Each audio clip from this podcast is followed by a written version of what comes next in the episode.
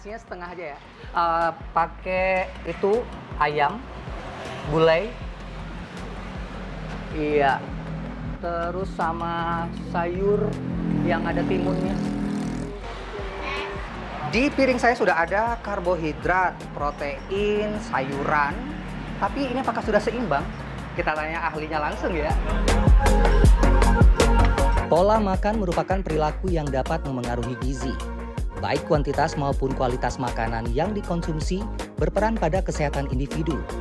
Gizi seimbang menitik beratkan pada jenis asupan termasuk porsi yang tepat sehingga mencapai keseimbangan yang dibutuhkan tubuh. Jadi memang kalau kita kenal dulu kan pesan gizi yang kita tahu hampir 20 tahun lalu itu adalah empat sehat lima sempurna ya. Itu diperkenalkan oleh guru besar gizi yaitu Prof Purwosudarmo. Tapi kemudian muncul masalah-masalah gizi baru seperti stunting, obesitas yang kemudian akhirnya pesan gizi disempurnakan.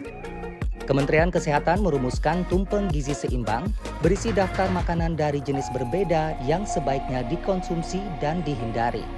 Rancangan ini memperbaiki prinsip lama 4 sehat 5 sempurna yang dianggap tidak lagi sesuai. Gambar tumpeng ini tidak hanya berisi panduan sehat, melainkan panduan pola hidup secara keseluruhan.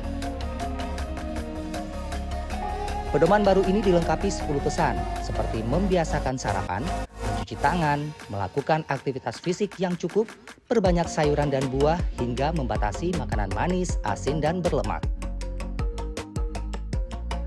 Ini yang penting, tapi ini juga susah untuk dilakukan ya. Batasi gula, garam dan juga minyak ya. Karena memang sebenarnya ada standarnya, standar porsinya. Untuk gula itu sendiri maksimal adalah 4 sendok makan per harinya. Untuk garam itu maksimal adalah satu sendok teh per hari. Dan untuk minyak itu maksimal adalah 5 sendok makan per hari. Lantas apakah warga sudah menerapkan gizi seimbang? Uh, menurut aku gizi seimbang itu uh, gimana makanan atau mungkin uh, lifestyle yang kita lakuin itu balance kak. Jadi misalnya dari uh, gizi protein karbohidrat mineral dan lain-lain itu bisa seimbang. Ada buahnya ada proteinnya terus ada nasi juga. Jadi itu udah setiap hari harusnya terjaga sih. Aku juga di rumah suka beli buah-buahan apalagi anak kos kan Bila disederhanakan, penerapan gizi seimbang disosialisasikan lewat kampanye isi piringku yang menggambarkan porsi sekali makan.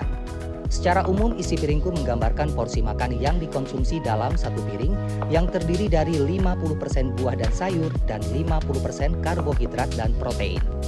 Nah, sekarang Anda sudah bisa menakar kebutuhan seimbang bagi tubuh kan? Pastikan asupan dan nilai gizi memenuhi porsi yang benar ya. Tim Liputan CNN Indonesia.